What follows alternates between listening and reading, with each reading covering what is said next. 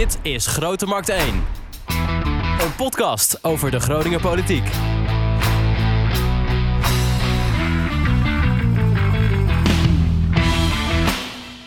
Leuk dat je luistert naar aflevering 8 alweer van Grote Markt 1. Mijn naam is Wouter Holsappel en tegenover mij zit in het oogpand Echo van Oosterhout. Goedemorgen, Wouter. We hebben vandaag een uh, gast, Echo. Ja, en uh, onze gast is Sabine Koelbrugge. Uh, in het verleden, tot 2017, was uh, Sabine Koelbrugge fractievoorzitter van de VVD in de gemeenteraad hier. Ze heeft ons verlaten omdat ze politiek assistent werd van Barbara Visser, staatssecretaris van Defensie. Dat vinden wij natuurlijk heel interessant. Ehm, sowieso, wat, wat is er allemaal gebeurd? Ehm, waarom is er de politiek ingegaan? We gaan daar, het, gaan we, daar gaan we het allemaal over. We gaan naar achteren. Welkom ja. uh, Sabine. Dankjewel, dank voor de uitnodiging. Ja, hoe is het om hier te zijn? Ja, leuk. Heel leuk. Kom je uh, nog wel eens in Groningen? Ik, kom er, ik woon in Groningen, ja, dus ik, kom weer uh, eigenlijk bijna ieder weekend wel weer. Maar ja, door de week werk ik wel op het ministerie van Defensie. Dus dan ben ik in, in Den Haag. Nu wel wat meer thuiswerken natuurlijk. Maar voor corona was ik daar wel van maandag tot en met vrijdag op het ministerie. Wat is, je nummer het, op de lijst? Nummer 58. Nummer 58. Nou, dan denken mensen waarschijnlijk 58. Want uh, dat is niet echt uh, dat je kans maakt uh, om in de Kamer te komen. Maar met die VVD-peilingen. Wie weet. En uiteindelijk gaat de kiezer erover. Die kan, er zelf, die kan zelf beslissen om op mij te stemmen. Ja. En, Echo, je hebt toch even de, de. Dus even goed voor de goede orde. We nemen dit op een vrijdag op. Ja. Vrijdag 29 januari. Ja. Jij hebt eventjes een printje gemaakt met de huidige stand van zaken als ja. het gaat om de peilingen. Als ik uh, zo kijk, uh, de, de, de laatste peilingen voor de VVD zegt 40, 42 zetels ongeveer. Um, een feit is dat het aftreden van het uh, kabinet en de toeslagenaffaire eigenlijk geen enkele invloed heeft op de, op, op de uitslag van de, van de polls. Dus dat is wel heel bijzonder. Want het is natuurlijk ook niet zo uh, heel gewoon om vlak voor het einde van een uh, kabinetsperiode een uh, ontslag aan te bieden van, Nee. het, van het kabinet. Sabine, hoe uh, ben je eigenlijk in de politiek terechtgekomen? Ik ben uh, eigenlijk toen ik ging studeren in, uh, in Groningen in 2003 ben ik uh, begonnen bij de JOVD. Ik was daar al wel lid van, maar ik nog niet actief. Maar toen ik hier kwam dacht ik van ja, ik wil iets met die politiek gaan doen. Ik merkte op de middelbare school al dat het echt mijn, mijn interesse heeft. En ja, toen heb ik ervoor gekozen om ja, bij de JOVD. Ik wist ook al wel dat ik liberaal ben. Um, daar kan ik zo ook nog wel iets over vertellen. Maar uh, ja, ik ging, uh, uh, ja, VVD had ik al gestemd toen ik voor het eerst mocht stemmen. En toen keek ik, ja, wat voor ja, politieke partij of jonge organisatie past dan bij mij? En dan kwam ik bij de JOVD terecht. En ja, in de keiweek wordt natuurlijk iedereen geronseld voor de verenigingen. Dus ook de JOVD zei, goh, wil je lid worden? Ik zeg, nou ja, ik ben al lid, maar ik wil wel heel graag iets doen. Nou ja, als je een beetje in die, uh, in die wereld rondloopt, dan merk je dat ze dolgelukkig zijn als mensen zeggen: Ik wil iets doen. Dus uh, ja, ze uh, klanten me meteen aan. En toen zat ik al vrij snel in het afdelingsbestuur van de JOVD. En zo ben ik doorgegaan. Ja, ook naar de VVD uiteindelijk. Wat doet de JOVD? De JOVD is nou ja, de politieke jongerenorganisatie die onafhankelijk is van de VVD. Dus het is wel de, de luis in de pels. Um, van, uh, van de VVD. Um, dus zij, kijk, ja, zij volgen politiek, maar wat ook een belangrijke taak is van de JOVD, is uh, mensen ook uh, daarin ontwikkelen. Dus ze zijn onafhankelijk, dus je hoeft nog niet echt een politieke partij gekozen te hebben. Maar zij proberen jouw politieke vaardigheden bij te brengen. En dat kan zijn dus ook van wat is liberalisme? Want het is wel een liberale jongerenorganisatie. Maar ook gewoon spreken in het openbaar, debatteren, onderhandelen. Dat soort trainingen geven ze ook. En met elkaar discussiëren over politiek. Maar uh, laten we zeggen, je bent jong en uh, liberaal. Hoe kom je als jong meisje liberaal? Ja, ik ben zelf, merkte ik op de middelbare school dat ik het heel belangrijk vind dat ik mijn eigen vrijheid had. Maar dat ik daar ook, ik was altijd bereid om daar verantwoordelijkheid voor te nemen. En ik had bijvoorbeeld op de, op de middelbare school een wiskundeleraar. Die zat iedereen heel streng te controleren of die wel zijn sommen tijdens de les maakte. En ik was op zich best wel een nette leerling. Maar soms vond ik het ook wel leuk om even een beetje te kletsen met, me, met mijn klasgenoten. En dan zette hij een streep. Op een gegeven moment had hij besloten van ik ga een streep zetten, een rode streep in het schrift. En kijken wat je aan het einde van de les gedaan had. Ik had normaal gesproken aan het einde van de les altijd eh, behoorlijk wat, uh, wat gedaan. Maar die les dacht ik echt, ja, als je dit gaat doen. Ik haal normaal gesproken prima cijfers voor wiskunde. Dus er is niks aan de hand. Dus ik, ja, ik wil gewoon uh, zelf kunnen bepalen wat ik doe. En uiteindelijk maak ik mijn sommen toch wel en is het gewoon af. Dus waar bemoei je je mee? Ik hoor, ik hoor een klein beetje eigenwijsheid. Ja, dat zit er dan denk ik ook wel. Uh, nou, het was, het trick, dat triggerde dus echt een bepaalde recalcitrantie in mij. Waar ik normaal gesproken geen last van heb. Maar als je mij gaat belemmeren op dingen die echt onzin zijn. Um, nou, er zat uh, toen al in al dat ik al uh, dacht, ja, dat gaan we niet op die manier doen. Dus dan wilde ik gewoon uh, dat zelf kunnen bepalen. Ja, maar, maar ik denk dan meteen, ja, de, de, VVD, dat is toch juist de partij van controle? Neem de toeslagaffaire bijvoorbeeld. Controle, controle, controle. Nou, dat was niet alleen de VVD die dat wilde. Dat waren volgens mij een beetje alle partijen in de Kamer die vonden dat fraude aangepakt moest worden. Ja. Uh, maar dat is doorgeslagen en dat hebben we gezien. Dat is niet goed gegaan. En volgens mij uh, is het kabinet ook niet voor niets uh, daarop op afgetreden. Misschien een, een laagje verder. in wat voor gezin ben je opgegroeid? Heeft dat ook nog te maken met de politieke keuze? dat is grappig. Mijn, mijn ouders zijn allebei niet politiek actief. Uh, waren ook niet per se uh, VVD uh, in het verleden. Maar nu wel, nu stemmen ze natuurlijk op jou. Ze zullen zeker op mij stemmen. Ehm, maar ik merk wel, nou ja, de, eigenlijk de enige volgens mij in mijn hele familie die altijd VVD gestemd is, is mijn oma. dus die, nou, die is ook extra trots natuurlijk nu dat ik op die lijst sta. dus dat is leuk. Maar ja, dat, dat kwam er niet per se in. Wel echt dat verantwoordelijkheidsgevoel.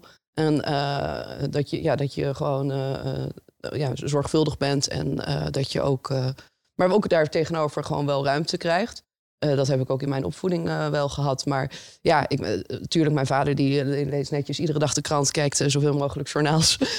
dus heel erg ook wel. mijn moeder zit, deed veel vrijwilligers, of doet nog steeds vrij, vrijwilligerswerk. Dus heel erg bij de maatschappij betrokken. Dus uiteindelijk komt dat wel heel mooi samen in mij, denk ik. Maar ja, zij waren niet politiek actief. Dat ben ik echt zelf gaan doen. En toen, toen je dan bij de, bij de JOVD en later misschien bij de VVD Hadden ze daar een mening over? Dachten ze toen van, huh? of helemaal niet?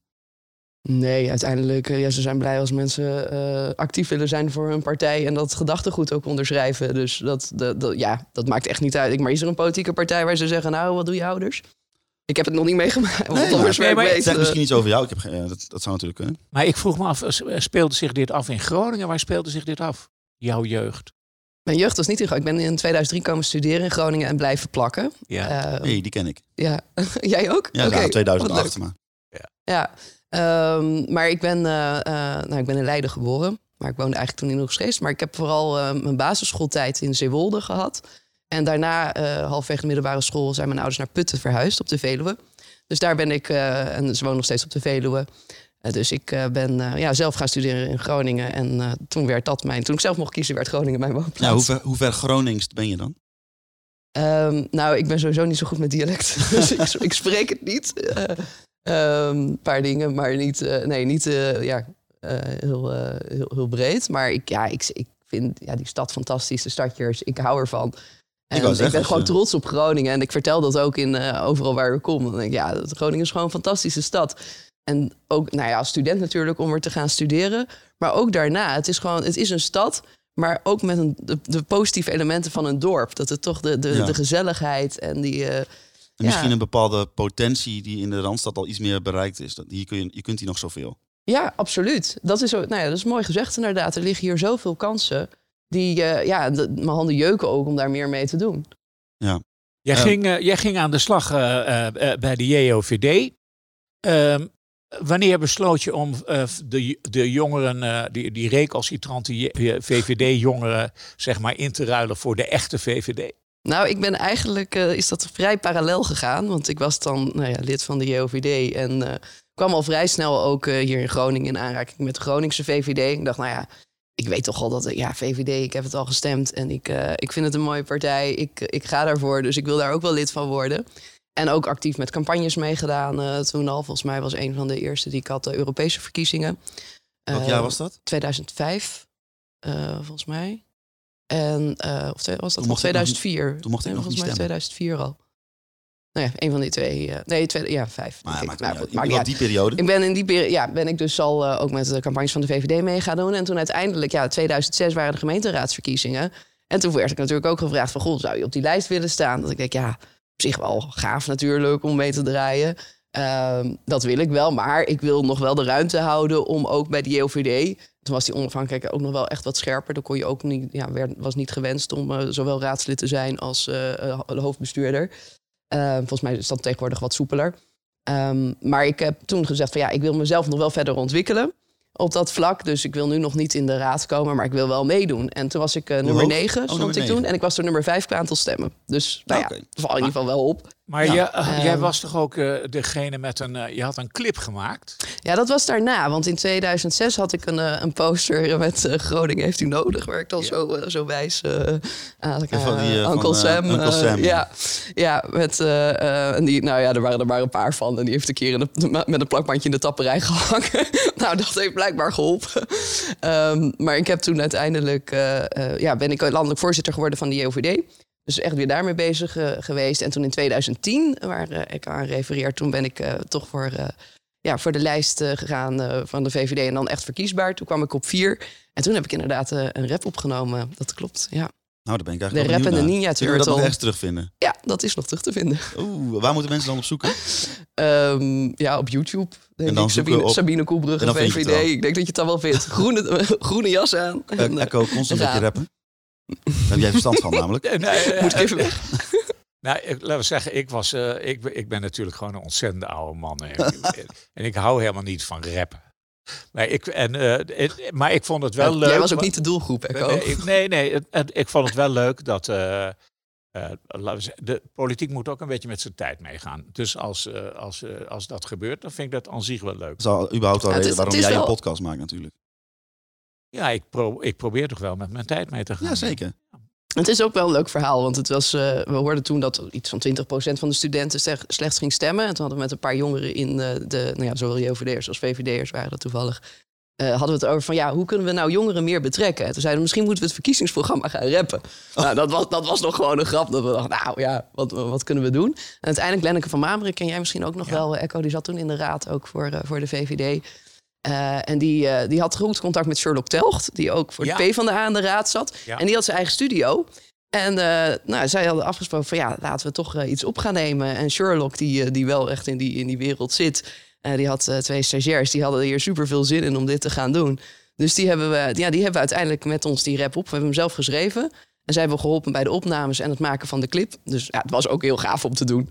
Ehm, Even als Nee. eh, eh, relatieve buitenstaander, want eh, toen, je, toen je binnenkwam hier, toen eh, was het meteen richting Echo van... hey, dat is eh, lang geleden. Wa- Wanneer was Ja. ook weer ons laatste interview? Heb- wat voor herinneringen hebben jullie aan elkaar van die tijd? Dat zij raadslid was, Echo? Hoe, hoe zal ik dat zeggen? Zij was lid van de eh, fractievoorzitter van de VVD. Eerst gewoon fractielid. En toen op een gegeven moment eh, eh, eh, eh, veranderde dat allemaal. Joost van Keulen die werd wethouder. De, het college viel eh, in een, eh, in 2012. een 12. Twaalf. Nee, heel, heel, heel heftige gebeurtenis rond de tram. En toen werd de Sabine werd, eh, fractievoorzitter. Ja. En eh, ik weet nog heel goed uit dat college, in dat college had je eigenlijk twee jonge honden. En dat wa- er waren eh, Paul de Rook en Joost van Keulen. Die waren altijd geintjes aan het maken. Tot eh, nou, soms wel lichte irritatie van de burgemeester. Die vond dat dan allemaal minder geslaagd. Of hij zei zoiets van, die qua jongens moeten zich even inhouden. Dan hebben we het over ongeveer een jaar of acht geleden. Ja. ja. Wanneer ben je eigenlijk naar Den Haag gegaan? 2017. Oh, dat is alweer eh, dat was al na de Ja. verkie- Er zijn nog verkiezingen zitten er nog Ja, tussen. maar dus weer laten een we nieuw zeggen, college. Dus, Eh, w- wat zijn nou eh, de grote dingen geweest waar- die jij als fractievoorzitter Wouter hier... wilde heel graag over de 1 april grap Ja, de 1 horen. april grap. Oh ja, die 1 april grap. Nou, wil ik ook wel doen. Ehm, Joost van Keulen die, eh, die, eh, die was wel in voor een 1 april grap. En ik had al een tijdje met hem eh, daarover staan geinen van wat doen we nou en zo. En toen zei ik tegen hem, jij bent wel een linkse, want het bestaat hè, linkse VVD'ers en rechtse VVD'ers. En ik vond Joost van Keulen wel een, ik weet niet of ik daar gelijk in had, maar toen beschouwde ik Joost al wel een beetje als een linkse VVD'er. En toen zei ik, wat nou Joost als jij overstapt naar de Partij van de Arbeid? Dat maakt toch niet zoveel uit. en eh, dus eh, Joost die stelt zich op in het eh, toilet naast de kamer van de burgemeester en die komt al broek dichtknopend naar buiten. En ik zeg, meneer Van Keulen, hoe zit het met uw overstap naar de, naar de Partij van de Arbeid? Ik zeg er niets over en hij gooit de deur van zijn kamer dicht. En dan loop ik door naar de bodes en die zeggen, wij mogen niks zeggen. En die gooien de deur dicht. En dan eh, kom ik bij eh, Paul de Rook. En Paul de Rook, die, eh, ja meneer de Rook, wat, wat is uw commentaar? En Paul de Rook staat op en ik ga er niks over zeggen. En hij smijt de deur dicht. En Roeland van der Schaven, kom ik op Roeland van der Schaafse kamer, die doet de deur open en die zegt, ja, maar ik blijf de baas in de Partij van de Arbeid. en hij doet de deur dicht en dan ga ik naar beneden toe en er staat Sabine. En de Sabine zegt dan, zij, het heeft me vreselijk verrast. Ja. Ik wist nergens van. Dat ja, was nou, dat was inderdaad een eh, mooie item. eh. maar ja, we je, hadden een beetje het de wel? crew. je gelooft het wel? Ja, tuurlijk. ik zat in het complot. Maar iedereen moest natuurlijk wel meewerken, want het Ja. was verder niet waar. De jongens hebben van de... het de was niet waar. Nee, de, nee. Oh, Dat is dat ben je nu achtergekomen. Nou, ik vond op zich de grap dat, dat je Joost een linkse VVD'er noemt. Toen dacht ik, dat is al wel een 1 april grap waard. Maar Nou ja, dat dacht ik. nou, ik snap, je, ik snap inderdaad wel de, de gedachtegang. eh. Het, eh, heeft het heel goed gedaan, denk ik, om met, eh, met die mensen ook aan tafel te komen. Want je moet toch, dat is politiek ook, hè, compromissen sluiten. Dus op het moment, je kan in die oppositie zitten en er heel hard tegenaan schoppen. Maar op het moment dat er wat moet gebeuren, ja, toen stonden we er ook. Zeiden oké, dan gaan we nu dit ook oplossen. En we hebben ook gezegd dat Forum waren, dat was de tram noemde je. Ja. Maar natuurlijk ook het Groninger Forum. Daar gingen gewoon miljoenen in om. Terwijl dat echt, ja, daar kun je ook aan andere dingen uitgeven. Dus de VVD heeft in, eh, in 2010 al duidelijk gezegd: geen Forum, geen tram. Maar ja, uiteindelijk kom je, de, nou, ja, zit je in de oppositie. Dan kom je uiteindelijk bij zo'n eh, collegebreuk. Ja, je kan meedoen. De tram hebben we niet, die ging niet door.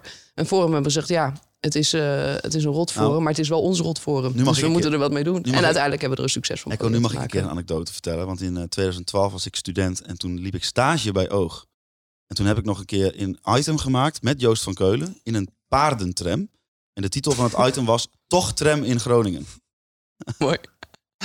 Dus ja goed, dat is, mijn, dat is dan mijn eh ja, herinnering hieraan. dus, eh, Maar wat waren dan inderdaad, wat Echo net al vroeg, vooral jouw, eh, ja, misschien jouw hoogtepunten als eh, in de raad? Wat, wat, wat waren de dingen waar je echt mee bezig hebt gehouden, waar je misschien iets hebt bereikt?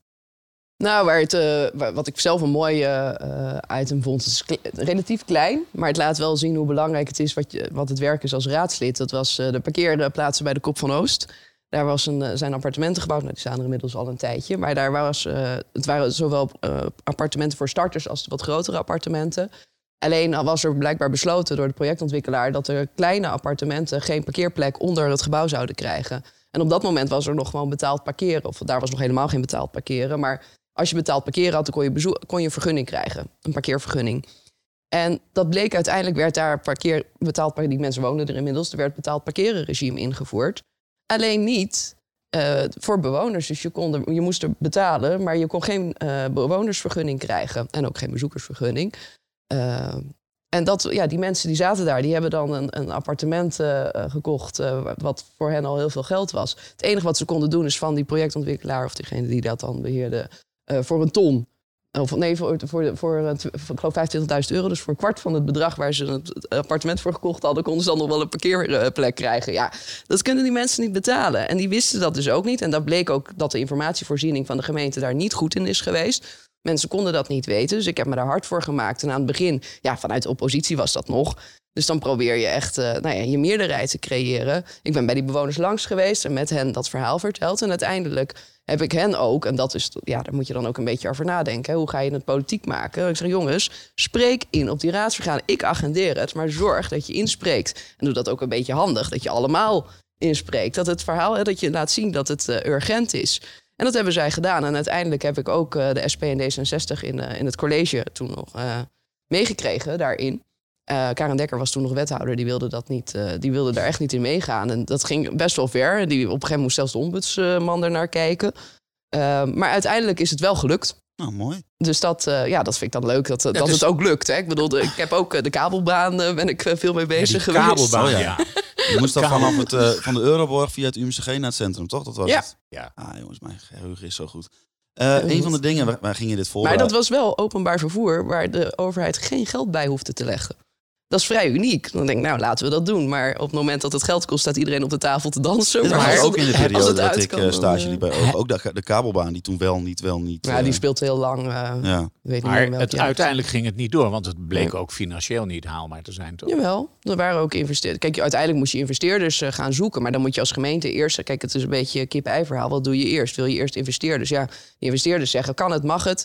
Gaan we het doen, anders gaan we hier niet verder. Eh, moest dan in het forum eindigen, toch? Nou, bij het forum. Ja, dat was helemaal ideaal. Als het dan op het dak, dan Ja, gooi je zo naar beneden. Ja. Ja. Fantastisch. Nou ja, dat, eh, dat, maar hoe dat precies zou gaan, dat... eh, dat... We gingen deze, deze podcast voorbereiden. En nou ja, moet ik eerlijk zeggen, ik eh, ben politiek gezien nog niet zo lang geïnteresseerd in Groningen. Dus ik kende jou hele, eigenlijk helemaal niet. En een van de eerste dingen die Echo tegen me zei was... dat jij ooit had geroepen dat Assen en Groningen maar moesten fuseren. Nou, ik ben al wel Groninger lang genoeg om daar eh, een, eh, een, een hartverzakking van te krijgen, bij wijze van spreken. Dus hoe, wat was dat Nou, precies? eh, toevallig dat Echo me al wel hinten.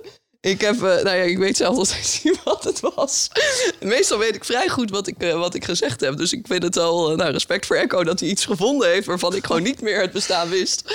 Ehm, maar ja, ik heb echt geen idee wat ik me voor zou kunnen stellen. Je hebt er zelfs een interview over gegeven aan het Nieuwsblad van het Noorden. Ja, kijk aan. Ja.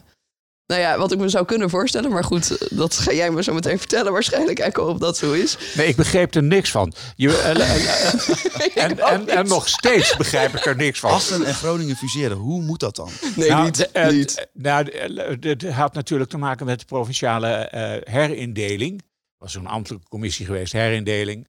En eh, er was ook een soort gedachte van we moeten over de provinciegrenzen heen kijken. Want het is natuurlijk eigenlijk een beetje raar dat eh, de, de, bij de provinciegrenzen houdt die herindeling op. De- eh, dus ik denk dat, eh, schat ik zo in, dat jouw recalcitrante gedachte was van we moeten over de grenzen heen kijken. Dat zei je ook in dat artikel. En ja, dan zou het toch voor de hand liggen dat Groningen en Assen fuseerden. Nou, als ik zie hoeveel problemen de Dat stapje mis ik nu ook hoor. Dat, van over de grens heen kijken. En eh Ja. Is- Maar het is natuurlijk. Kijk, die vergaande samenwerking, fuseren, dat, dat gaat eh, ver en lijkt mij ook niet nodig. Maar we hebben natuurlijk ook als het gaat om, eh, om eh, mobiliteit al een vergaande samenwerking tussen eh, de regio Groningen Assen. Heel belangrijk ook, want juist met elkaar kun je wel een vuist maken. Dus dat, eh, ik dacht meer toen je het zei ook dat ik het vanuit die gedachte heb gezegd. Hé, je hebt allemaal grote steden in de Randstad. Laten we nou de krachten bundelen en dan heb je veel meer eh, inwoners. En dan ben je ook ineens bovenaan in dat lijstje als, Ja, als precies, grote ja. gemeente. En dan Ja. kun je een beetje, eh, wat, ja, krijg je ook eh, meer, meer, eh, meer voor elkaar. Nou, het, eh, en er was een, we hadden toen een burgemeester, eh, of er was een burgemeester ooit. En die zei van, je- het is een beetje gek als je bijvoorbeeld kijkt naar eh, Hamburg bijvoorbeeld. Dat is dan gewoon een, een regio Hamburg en dat, dat is heel groot. Dat is alleen maar groter dan alleen maar Hamburg, maar dat zijn de omliggende gebieden en zo. Dus eigenlijk heb je natuurlijk Assen een soort van eh, bij de Nou, agglomeratie je hebt, eh, Groningen. Je hebt een soort regio, eh, regio Groningen. Ja. En, eh, En dan is Assen wel gewoon een wijkje. Hè? Dus, dus Groningen blijft gewoon Groningen. ja, Ik, ik geloof Ja. niet dat we dit idee verder uit moeten Ik werken. denk het ook niet. Jullie hebben me overtuigd, voor zover ik dat nog niet was. Oh, ja, nou goed. Ik, ik, laat ik zeggen, ik ben Ja. benieuwd. Ja, wat, wat zouden de kiezers daar nou van vinden? Ja. Doe Ehm, maar niet. Doe Nog maar iets, niet. wat, eh, wat volgens mij heeft Echo, heb jij dit eh, opgerakeld, dat eh, jij van rallyrijden houdt. Ja, dat klopt. Maar hou je dan wel aan de maximumsnelheid? Ik rij zelf niet, ik Ah, navigeer. ja, oh, dus, ja, waar? ja, ja, ik ben een navigator. Dus, Kun je dat iets over is- vertellen? Ja, zeker. Ik vind het, ja, ik, ben, ik doe het nu een paar jaar, nog niet eens zo heel erg lang. Eh, dat is wel iets wat ik vanuit, eh, nou ja, van huis uit dan eh, meekrijg. Want mijn vader en broertje die waren al eh, vrij fanatiek. Eh, dus ik doe het regelmatig met mijn vader ook. En wat, En, wat- wat- eh, hoe ziet dat eruit? Eh, gewoon schetsen, nou, schetsen je hebt, eh, eh, ja, dat, het zijn classic car rallies. Dus je zit in een eh, nou ja, oude auto die wel zeg maar verstevigd is. Eh althans, die van ons in ieder geval wel. Dat, eh, voor, voor eventuele ongelukken dat je niet eh, meteen in de kreukels, eh, helemaal in de kreukels zit. Maar je, ja, je hebt een, eh, een kaart, krijg je mee van de organisatie. Maar dat is vaak een oude kaart. Dus er zijn allerlei nieuwe wegen die eh, ja, niet op die kaart staan. En dan moet je een, een route gaan maken. Eh, en daar hebben ze verschillende opdrachten. Dus ze kunnen pijlen op die kaart gezet hebben die je met zo'n kort mogelijke route moet verbinden of punten. Of je moet, ze tekenen er een, een lijn in en dan moet je die grens gaan, gaan benaderen. Ehm, en dat moet je allemaal heel precies opmeten. Want het kan dus zijn dat ze een weg dat die niet bestaat. Eh, niet meer bestaat. Of dat, of dat ze hem gewoon weggegumpt hebben op de kaart. En als je navigeert, is je kaart leidend. Dus je moet precies zo rijden hoe eh, de kaart het eh, zegt. En dan dus ook wegen overslaan die niet op jouw kaart staan. En dan vervolgens ja, ga je in het echt ga je rijden. En dan nou ja, blijkt de situatie heel anders te zijn. En daar moet je dan nou ja, weer een, een, een omrijroute voor maken.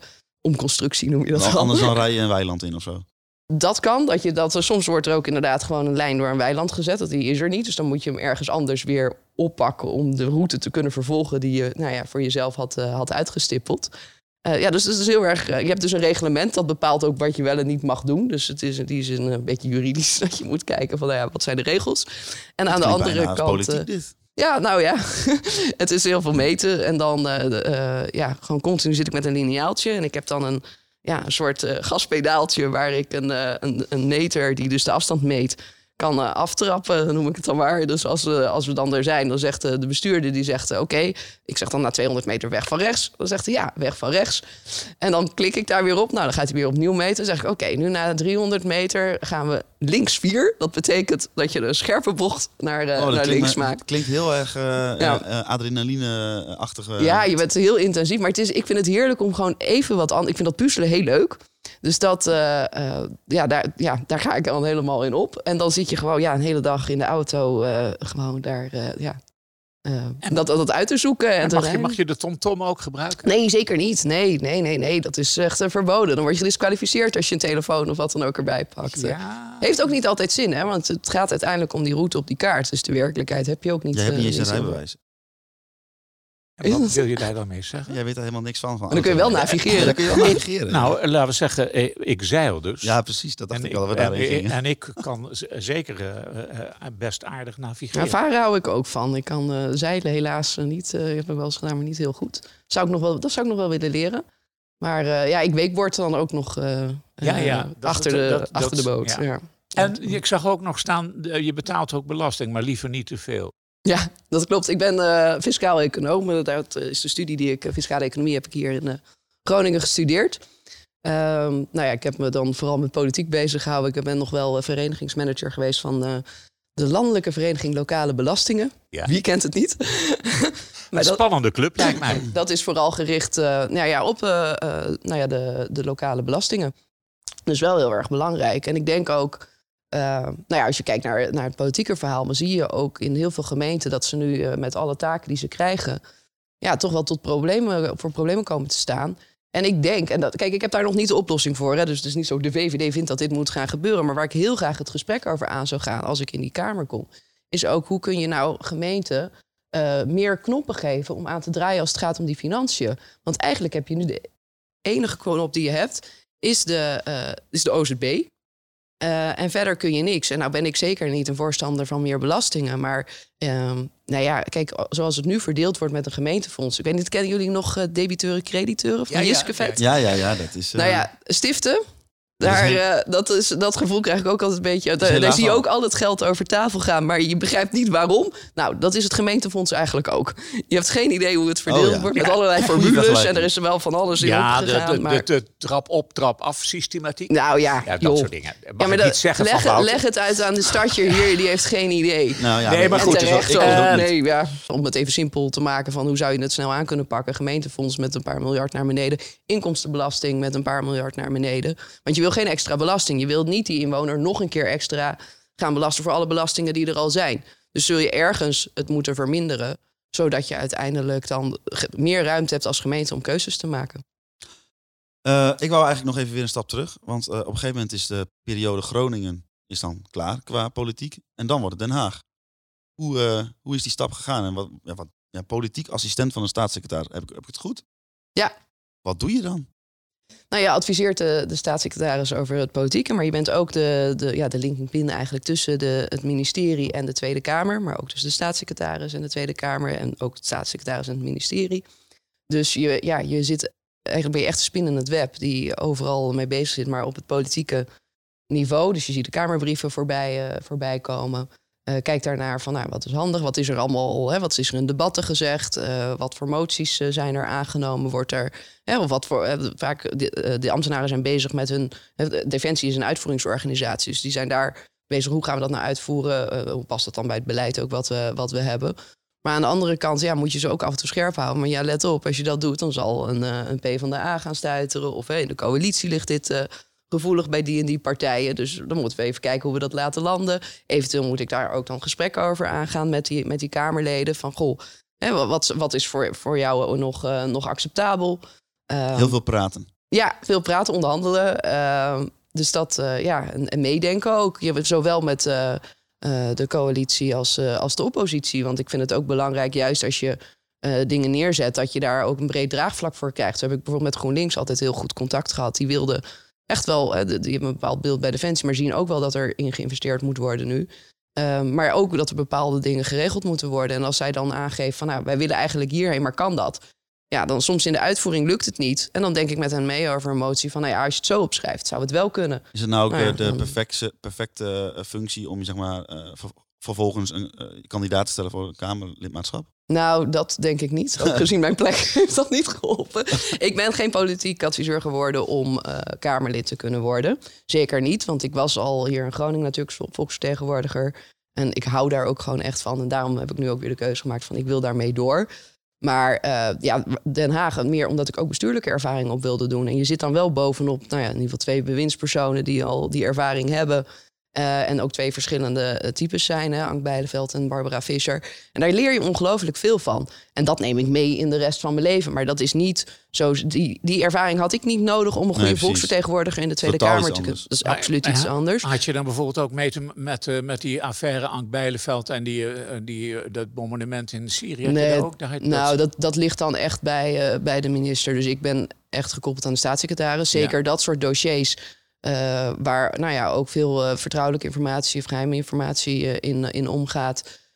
dat krijgen wij dan ook niet, niet vanzelfsprekend te zien. Op een gegeven moment toen die discussie natuurlijk daar was, krijg je er wel meer over te horen. En laten ze je ook eens meelezen van goh, wat, wat, dit, dit, dit, willen we gaan sturen. Maar je zit er toch best wel ver. Kun je een, kun je een voorbeeld, kun je een voorbeeld noemen van een, een dilemma waar je in je werk tegenaan liep?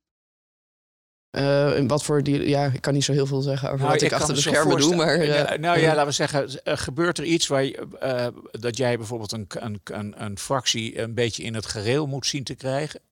Misschien wel je eigen fractie, de VVD-fractie. ik zit even te denken of ik daar nu zo, waar ik echt iets zo, ik kan daar niet zo heel veel.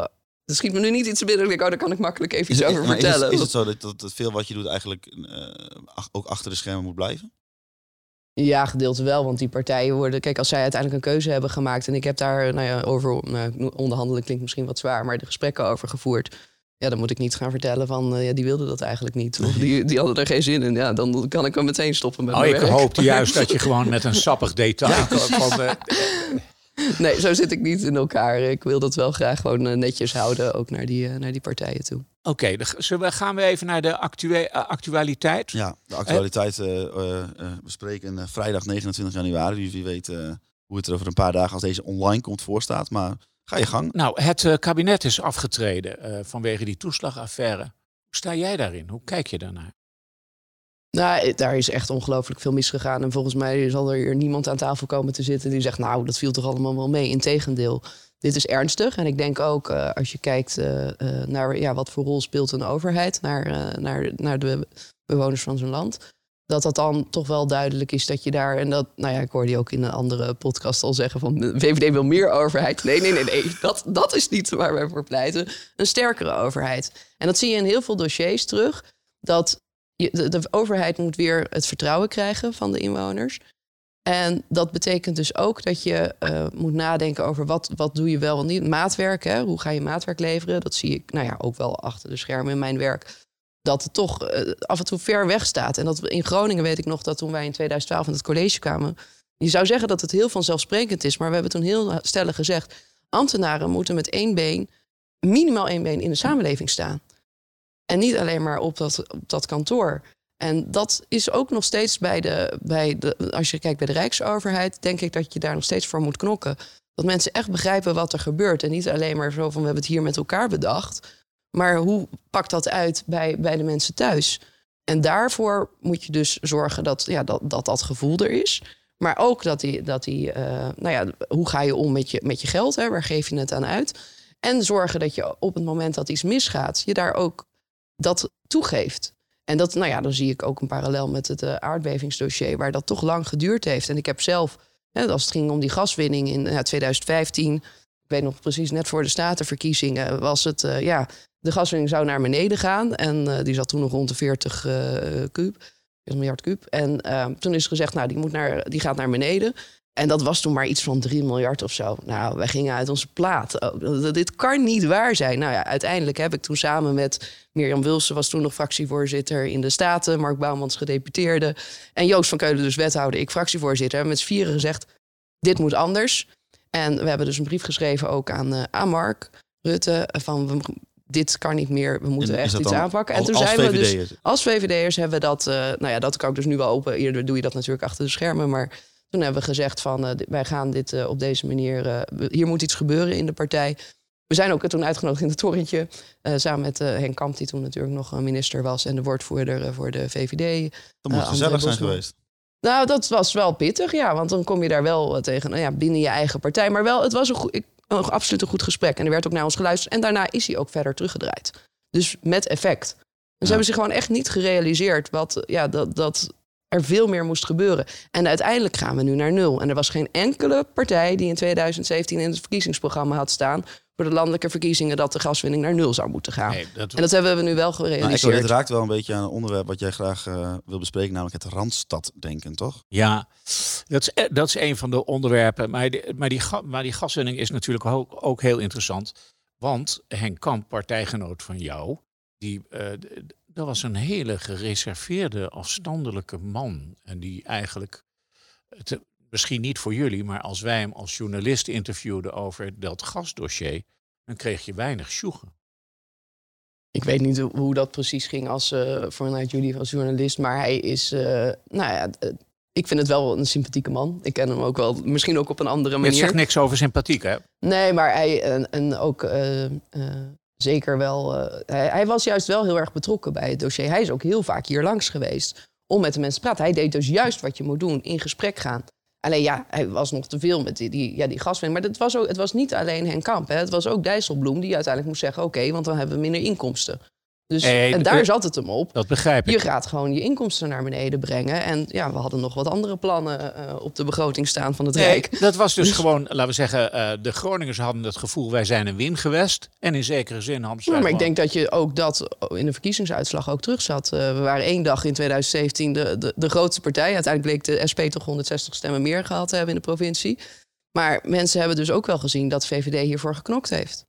En wie dat dan ook in individu, daar gaat het niet eens om. Maar de partij heeft er wel voor gezorgd dat die gaswinning naar beneden gaat en dat dit opgepakt wordt. En we zijn er nog lang niet, want er moet nog ongelooflijk veel gebeuren. Zeker ook als het gaat om het versterken ja. en het terugwinnen van het vertrouwen van de, van de ja, want uh, laten we zeggen, de, hetzelfde wat in die toeslagaffaire, het wantrouwen naar de burger toe, dat is, lopen Groningers op dit moment, als het gaat over de versterking, of, uh, of laten we zeggen, de, de, het, de hersteloperaties, verloopt uiterst moeizaam. Ja, nou ja, zeker het versterken. Dat is, het is ook een ingewikkelde opgave. En ik denk ook dat uh, er moet vanuit het Rijk heel veel gebeuren. Maar we kunnen ook, en daar zou ik absoluut een rol in willen spelen, veel meer verbindend optreden. Want je merkt dat we in Groningen gewoon snel bestuurders zijn gewoon verdeeld. En dat is zonde. Als je kijkt naar, uh, nog even los van hoe dat allemaal gegaan is, maar naar Zeeland. Kijk, dat is misgegaan met die marinierskazerne. En zij hebben aangegeven van, nou ja, eh, of meteen ook al uh, toen Barbara Visser die brief stuurde, gezegd er moet gecompenseerd worden. Nou, wat, wat gaat dat dan zijn, die compensatie? Dat is uiteindelijk, uh, onder leiding van BZK, is dat uiteindelijk georganiseerd. Maar die hadden dat heel snel voor elkaar. Die hebben, wij kregen op een gegeven moment anderhalf miljard. Nou, zij hadden de, daar hebben we heel lang voor moeten knokken. Terwijl zij hadden de, nou, ongeveer de helft al eigenlijk binnen een paar maanden. Uh, en dat is, uh, maar je zag daar dat wat ze, zij deden een aantal dingen heel erg goed. Zij hadden uh, heel bewust van, nou, we hebben met elkaar gezegd, wij moeten dit hebben. Nou goed, dat gaat in Groningen denk ik ook wel goed. Ze waren eensgezind, dus ze wilden allemaal hetzelfde en ze wisten wat ze wilden. Ze hadden gewoon een ijspakket te zeggen, nou, dit is het lijstje, dit moet voor ons geregeld worden. En in Groningen zeggen we, ja, we roepen dan wel, nou, we hebben recht op dat geld, hè, dus dat, dat, daar zijn we het allemaal over eens. Maar dan vervolgens uh, wat er dan moet gaan gebeuren. Ja, daar hebben we dan nog geen, geen idee bij. En ik denk echt als de bestuurders daar veel meer op één lijn komen te zitten. En dat gaat steeds beter, gelukkig. Uh, dan kun je veel meer bereiken. En dan kun je die vuist ook maken naar de. Wie, wie moet daar dat initiatief toenemen? ik denk dat het een verantwoordelijkheid. Nou, ik denk dat het uiteindelijk een verantwoordelijkheid is van iedere bestuurder die erbij betrokken is. Ik denk niet dat je daar één persoon. Natuurlijk kan daar iemand een, een rol in spelen. Maar goed, eh, voor mijn part ga ik zelf daar ook met die mensen praten. Ik bedoel, dat zie ik dan ook wel als mijn rol. Als, juist om voor Groningen op te komen. Denk, ja, je wil het georganiseerd hebben. Wat, waar, waar zitten dan die... Waarom kun je niet met elkaar eens worden?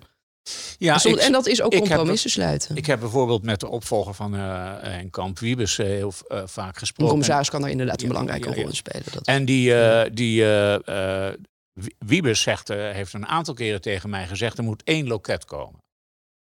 En dat, ik, neem, ook- ik verdenk ook dat hij dat meent en dat hij dat ook daadwerkelijk vindt. Maar eh, de, het barst van de loketten en eh, de, de verdeeldheid is alleen maar groter en groter. ja, dat zijn middelen. Maar en de het is- regelingen, eh, daar lopen mensen tegenaan. Maar het zou dan ook helpen, bijvoorbeeld in zo'n voorbeeld, wat hebben we dan wel nodig? Ja. En als je dat met elkaar zegt, dit is wat wij willen. Dus de, ja, is Dan- De Is het een beetje, is de, is de, ik, kan ik het vergelijken met een schot hagel? In plaats van met een gericht Nou, mis- sniperschot? Misschien wel, ja. Misschien is dat wel een goed vergelijk. Hoe het, het wordt, iedereen roept wat, iedereen wil wat.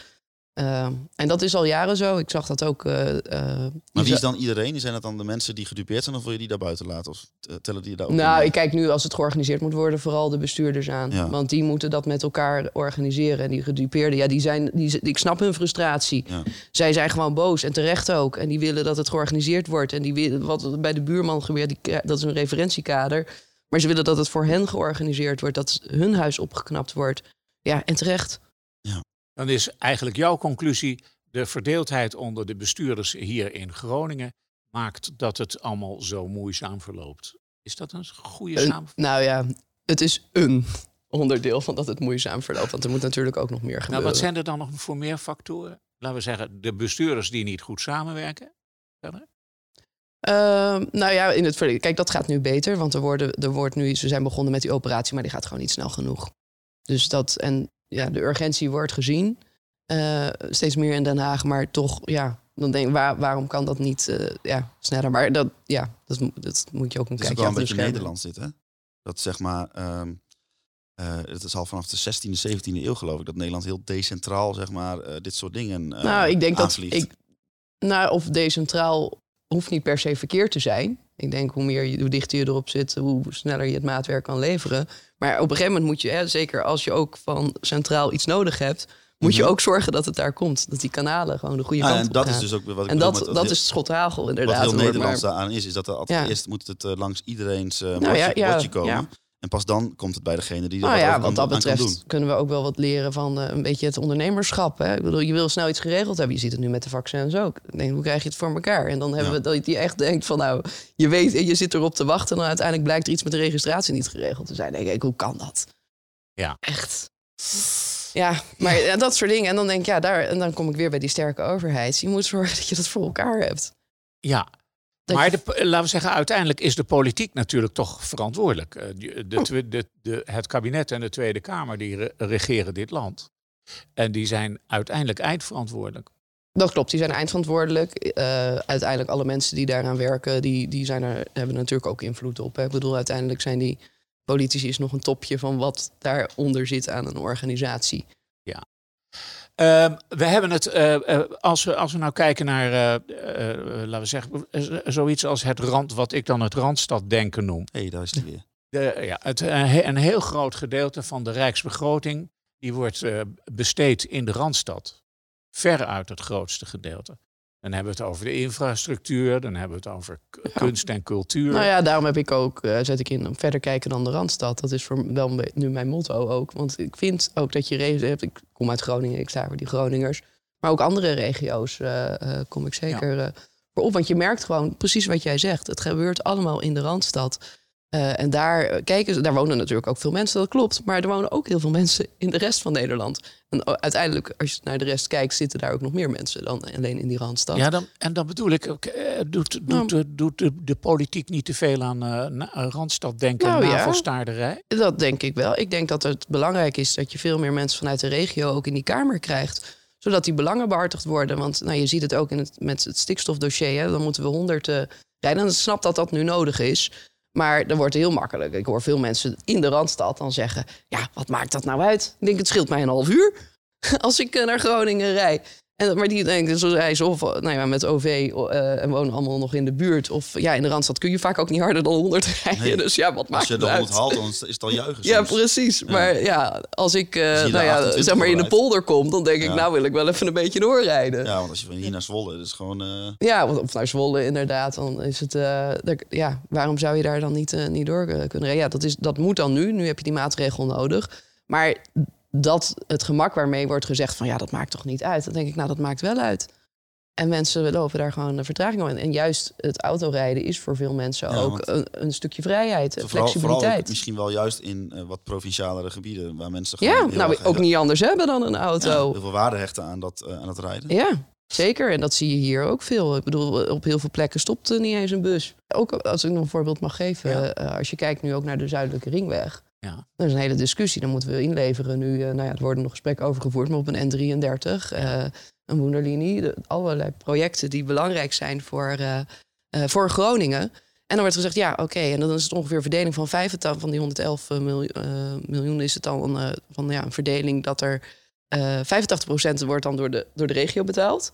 En die andere 15% wordt het Rijk. Terwijl ik ben heel de onderhandelingen lopen nog voor eh Zuidasdok. Ja. Maar ik ben heel benieuwd hoe de verhoudingen daar zullen liggen. En dat, ik schat zomaar in dat dat wel eens gewoon het omgekeerde zou zijn. Dat weet ik wel zeker eigenlijk. Ja, nou ja, en dat vind ik, dan denk ik wel van ja, dat is wel schokkend dat dat dan zo- zo'n verhouding is. Ik bedoel, dat daar Maar- meer mensen gebruik maken van de weg, dat er nou verhoudingen zitten. Waar ik zo benieuwd naar ben, sta jij dan straks eh, eh, achter het spreekgestoelte in, tweede, eh, in de Tweede Kamer en sla je dan met je vuist op tafel en roep je dan de verantwoordelijke minister, vermoedelijk een VVD-minister, ter verantwoording over, over dit, dit schandelijke gedrag?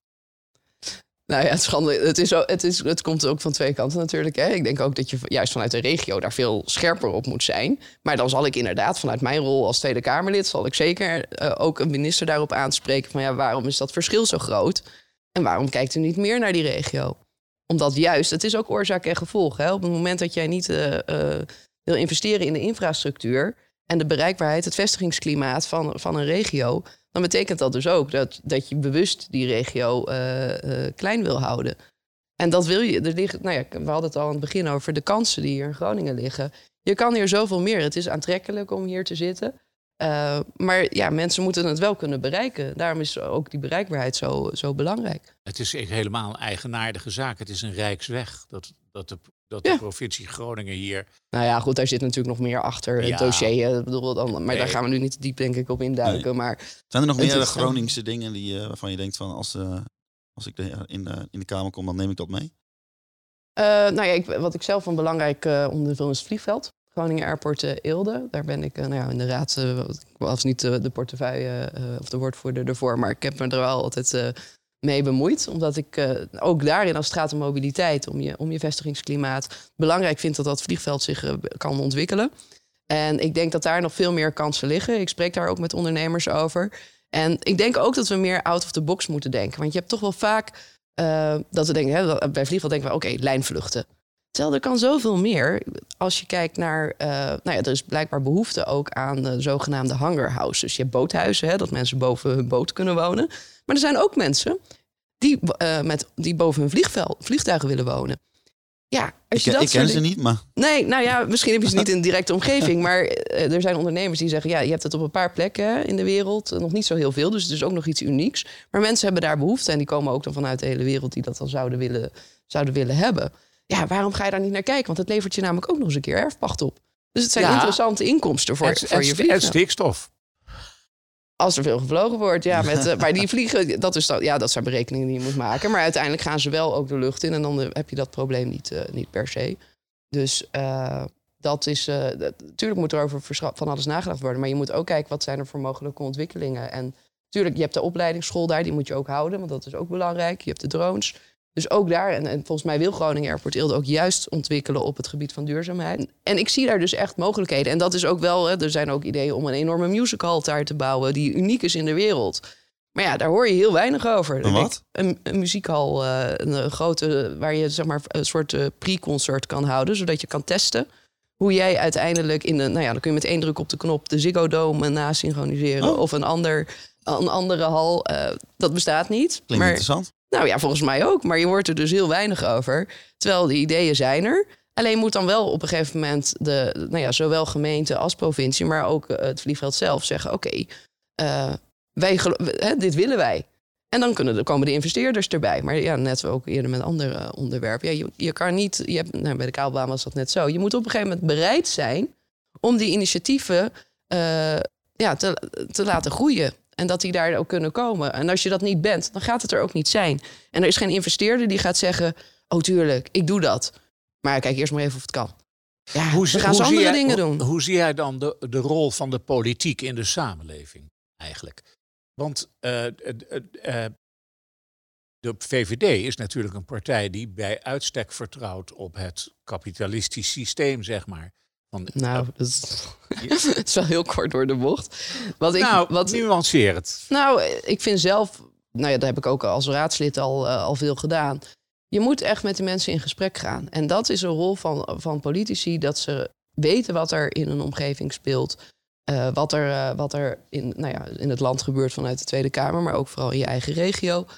Ehm, dat, je dat, kan, dat je ze kan vertegenwoordigen. En daardoor ben ik ook altijd eh, heel veel gesprekken aangegaan, deuren langs gegaan, gewoon met mensen gaan praten. Want je kan wel eh, in een herenstraat hè, bij de bakkerij Barten met je flyertje gaan staan. Maar mensen zitten er dan vaak helemaal niet op te wachten. En dan hebben we ook zoiets van, ja, wat is dit? Geen rozen Ehm, eh, langs de mensen. Nee, geen roosballonnen. dat is, daar, wordt, daar wordt ook kritisch naar gekeken natuurlijk. Dus nee, maar je hebt daar... Natuurlijk heb je daar ook gesprekken. Maar als jij gewoon bij de mensen thuis langs gaat en zegt... Goh, hoe gaat het hier in de wijk? En mensen hebben dan ook af en toe zoiets van... Nou, VVD, eh, moet dat nou? maar ik kom niet om... Hè, of wat mensen uiteindelijk stemmen, moeten ze zelf weten. Maar ik wil oprecht weten wat daar aan de hand is. Wat er moet gebeuren. En dan kom je vanzelf in gesprek. Hè, of nou ja, zeker lokaal is dat, vind ik het heel fijn. Want je kan het meteen meenemen naar de, naar de gemeenteraad, wat je daar ziet. Want je gaat er ook nog eens een keer over. Uh, maar dat kun je zeker als we een, een, landelijke partij kunnen dat ook goed verdelen. Als ik nu als Kamerlid de deuren langs ga en ik zie iets lokaals, dan pak ik dat op met, een, uh, met het betreffende raadslid. Maar uh, er zullen ook dingen landelijk zijn. En doordat je dat gesprek voert, zie je wat er aan de hand is. En kun je daar ook voor die mensen opkomen. En dat is wat ik belangrijk vind om te doen. Die mensen zijn bezig met werken of mantelzorgen. Die hebben heel andere dingen aan hun hoofd. En ja, natuurlijk volgen ze vaak ook wel de politiek en vinden ze er wat van. Maar ze zitten er niet in. Ik wel. Ik weet hoe het werkt en ik kan voor hen opkomen. En dat wil ik ook graag doen. Nou, voordat dat uh, gebeurt, Echo, want uh, je, bent eigenlijk, ja, je bent eigenlijk een beetje de vertegenwoordiger van nog meer Groningers uh, die op de VVD-lijst staan. Daar hadden wij even over het hoofd gezien, Echo. Ja, die hadden wij over het hoofd gezien. laten we zeggen, ik ben die lijst langs gegaan. En die namen van die mensen kende ik niet, maar Sabine ken ik natuurlijk gewoon. Dus ik denk, hé, hey, die moeten wij hebben. Ja. Want we, het is ook logisch, de VVD is waarschijnlijk de grootste partij. Dus die moeten wij zeker erbij ja. Nou, misschien kun jij nog eventjes vertellen wie de andere twee zijn. Dan. Zeker. Uh, op nummer 14 staat uh, Roelien Kamminga. En die woont ook nu net weer in, uh, in Groningen. Ze is in Groningen opgegroeid, in Midden-Groningen. En nou, nu weer terug. Ehm, en Marines Tabak, die woont in de stad, is directeur van de RWE in de, hier in de provincie. Energiecentrale weet dus veel over uh, energie. En die staat op nummer 41. En hebben jullie nou als uh, Groningse vertegenwoordigers contact met elkaar? Zeker. Ja, gisteravond nog, uh, eigenlijk wekelijks doen we even een, een Zoom overlegje. Gisteravond hebben we nog even met elkaar bijgepraat. Om in de Tweede Kamer te komen heb je misschien wel wat voorkeursstemmen nodig. Dat en misschien zeker, wel ja. wat, uh, wat de mensen die boven je staan op de lijst, die even doorschuiven naar uh, wat beleidsfuncties.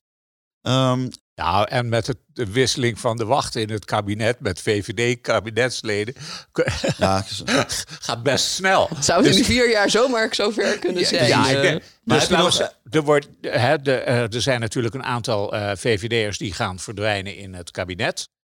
Dus eh, laten we zeggen, helemaal denkbeeldig dat jij in de Tweede Kamer komt te zitten, is niet zo. Toch? Het is zeker niet onmogelijk. En uiteindelijk raadt de kiezer erover. Dus uh, nou ja, ik, ik je weet niet precies dus- waar de voorkeursdrempel zal liggen. Maar misschien tussen de 25.000. JOVD, uh, de JOVD heb je in ieder geval achter je staan. Ja, dat klopt. Ja, dat wou ik net Die, vragen. Is eh, die, hoe, ban- hoe warm is die band nog? Dat ze jou eh, misschien eh, wat eh, kunnen pushen? Ja, die is, eh, die is er zeker. En eh, ik heb nog goed. kon- Ik ben ja, lid van verdiensten, heet dat dan heel mooi van de, van de, van de JOVD Groningen. Dus ik heb kom daar ook nog eh regel, maar ja, nu niet live. Maar eh, ja, daar kwamen we toch altijd regelmatig eh, nog, eh, nog langs. Eh, dus ja, en ik vind het ook leuk om te zien hoe zij zich ontwikkelen. En help daar ook graag aan mee. Nou ja, andersom willen ze mij dan nu gelukkig ook een handje helpen. En vind je jezelf überhaupt ook geschikt voor jongeren op jou, om op jou te stemmen? Ja, ik denk wel dat ik ook nog goed, dat merk ik ook met de JOVD'ers, nog wel goed de jongeren kan aanspreken. Ik ben ja, natuurlijk ook landelijk voorzitter geweest van zo'n jonge organisatie, maar dat is inmiddels al wel weer 14 jaar eh, geleden. Maar toch eh, heb je er wel, ja, ik heb wel feeling met wat, eh, wat zij willen. Ja, en, heb je daar in de komende weken ook zoiets van, dat, dat is wel een specia- ook wel een specifieke doelgroep waar ik voor wil gaan? ja, zeker. Want dat is wel misschien de, de, groep die het minst opkomt daar. Nou ja, dat is precies. Daar zit ook meteen de grootste uitdaging om te zorgen dat ze gaan stemmen. Waar ze dan uiteindelijk op stemmen, dat is ook nog een, dat, dat moeten ze dan zelf bedenken. Maar dat ze gewoon überhaupt gaan stemmen. En jongeren bereiken. Nou, ik vond het toen inderdaad in 2010 met de rap al belangrijk om, om ze toch eh, bewust te maken van dat die verkiezingen ik er voel weer zijn. een rap aankomen. Nee, hoor. dat is iets. Nee, ik heb ook toen al gezegd, eh, dat soort dingen doe je één keer en dan, dan niet meer. eh, Misschien iets nee. anders. eh, Ja. TikTok of zo. eh. Ja, nou, dat heb ik dan weer niet. Ik heb Nee, wel de andere, ja, wel Facebook, Instagram, Twitter, LinkedIn, ja. Dus maar breed inderdaad. Dat, eh, ja. Ja, ja, als je 25.000 stemmen nodig hebt, Ja. dan eh, zul je meerdere doelgroepen aan moeten spreken. Eh, dat campagne voeren met, met corona is problematisch, hè? Dat is lastig, want juist wat ik net vertelde, dat ik graag die deuren langs ga, dat kan nu gewoon niet. Eh, en eh, ja, je moet de bewegingen zoveel mogelijk beperken. Dus dat, eh, dat vind ik echt heel erg jammer. Dat mis ik ook wel. Maar ja, er zijn andere manieren om het gesprek aan te gaan. Ehm, dus je kan ja, mensen uitnodigen voor ja, digitale bijeenkomsten, waar je toch een select gezelschap wat, wat zaken bespreekt. Alleen op het moment dat je de deuren langs gaat, dan heb je gewoon hè, mensen direct contact. Soms zitten er niet op te wachten, maar dan kun je zeggen, nou kom een andere keer langs. En nu moeten mensen echt actief denken, ik heb zin om over politiek te praten. En mensen hebben dat vaak niet. Terwijl als je gewoon even vraagt van, hey, hoe gaat het hier in de wijk? Dan, dan, eh, dan heb je al vanzelf een gesprek en gaat dat steeds verder. En dat ga je digitaal niet organiseren. Dus ja, toch maar via de social media proberen eh, ja, mensen te bereiken. Ehm, en ik zie ook wel dat mensen me ook wel, eh, nou ja, ook direct message en zo, of de, ja, directe berichtjes sturen. Privéberichtjes, dat ik al weet van, oh, wat, eh, wat speelt er. En eh, mensen hoeven het natuurlijk ook niet allemaal eh, open onder wat openbaar is in comments te zetten of zo. Vrees je nou voor de opkomst? Nee, eigenlijk. Nou ja, dat, dat mensen moeten weten dat het er is. Maar juist door corona wordt er wel heel veel ook naar tv gekeken. En denk ik dat mensen misschien wel meer dan, dan anders weten dat, dat de verkiezingen eraan komen. Maar ja, dat moeten we gaan zien. Eh, je kan dus meerdere dagen stemmen, ook per post. Dus dat levert misschien juist een hogere opkomst op. Maar ja, je weet het niet, want we hebben dit nog niet meegemaakt. Nee, stemmen per post mag als je 70 bent of ouder. Ja. Nou, volgens mij eh, eh, wensen wij jou eh, gewoon heel veel succes met eh, de campagne. Dank. En ja, voor wat mij betreft, kijk, ik, waar ik op ga stemmen ga ik niet zeggen, maar ik weet het, ik weet het ook nog niet. Maar hoe meer Groningers in de Kamer, dat, eh, daar kunnen wij alleen maar voor zijn, toch Echo? Wij zijn zeker voor Groningers eh, in de, in de Kamer. En dat heeft alles te maken met dat Randstad-denken. Precies, weg ermee. Weg ermee. We moeten gewoon... eh, de periferie hoort er ook bij. Nou, die hoort erbij. Dat is, dat is belangrijker. Nee, ja, goed, maakt het niet uit. Ehm, bedankt Voor voor, jouw eh, komst hier naar eh, Oog. Eh, Graag gedaan. Leuk om je met jullie net te dat je nog spreken. nooit langer dan 10 minuten een eh, microfoon eh, voor je mond. Zoiets ongeveer. Maar Dus, eh, dit- dit- Zo'n uur had ik nog niet eerder gedaan. Nee, precies. Beviel het? Ja, zeker. Nou, mooi. Echo, volgende week hebben we weer een, een nieuwe gast. Weet je, ik zie jou kijken. Weet je wie het is? Eh Wieke Paulusma. Wieke Paulusma. Ja, nee, ik mo- moest even nadenken, want het, het zijn er best veel. En om even de, de, eh, de teaser, die heeft ooit al tegen ons gezegd dat ze na Sigrid Kaag de tweede vrouwelijke premier van Nederland wil worden. Ja, Dus nou goed, je mag haar borst nat maken. Ehm, ja, dan eh, denk ik dat we aan het eind gekomen zijn van deze aflevering van Grote Markt 1. Nogmaals, Sabine Koebrugge, die vind je op plek 58. Acht- 58 van Lijst de lijst van de VVD. En dan wil ik eh, alle luisteraars vooral bedanken voor het luisteren naar deze aflevering van Grote Markt 1.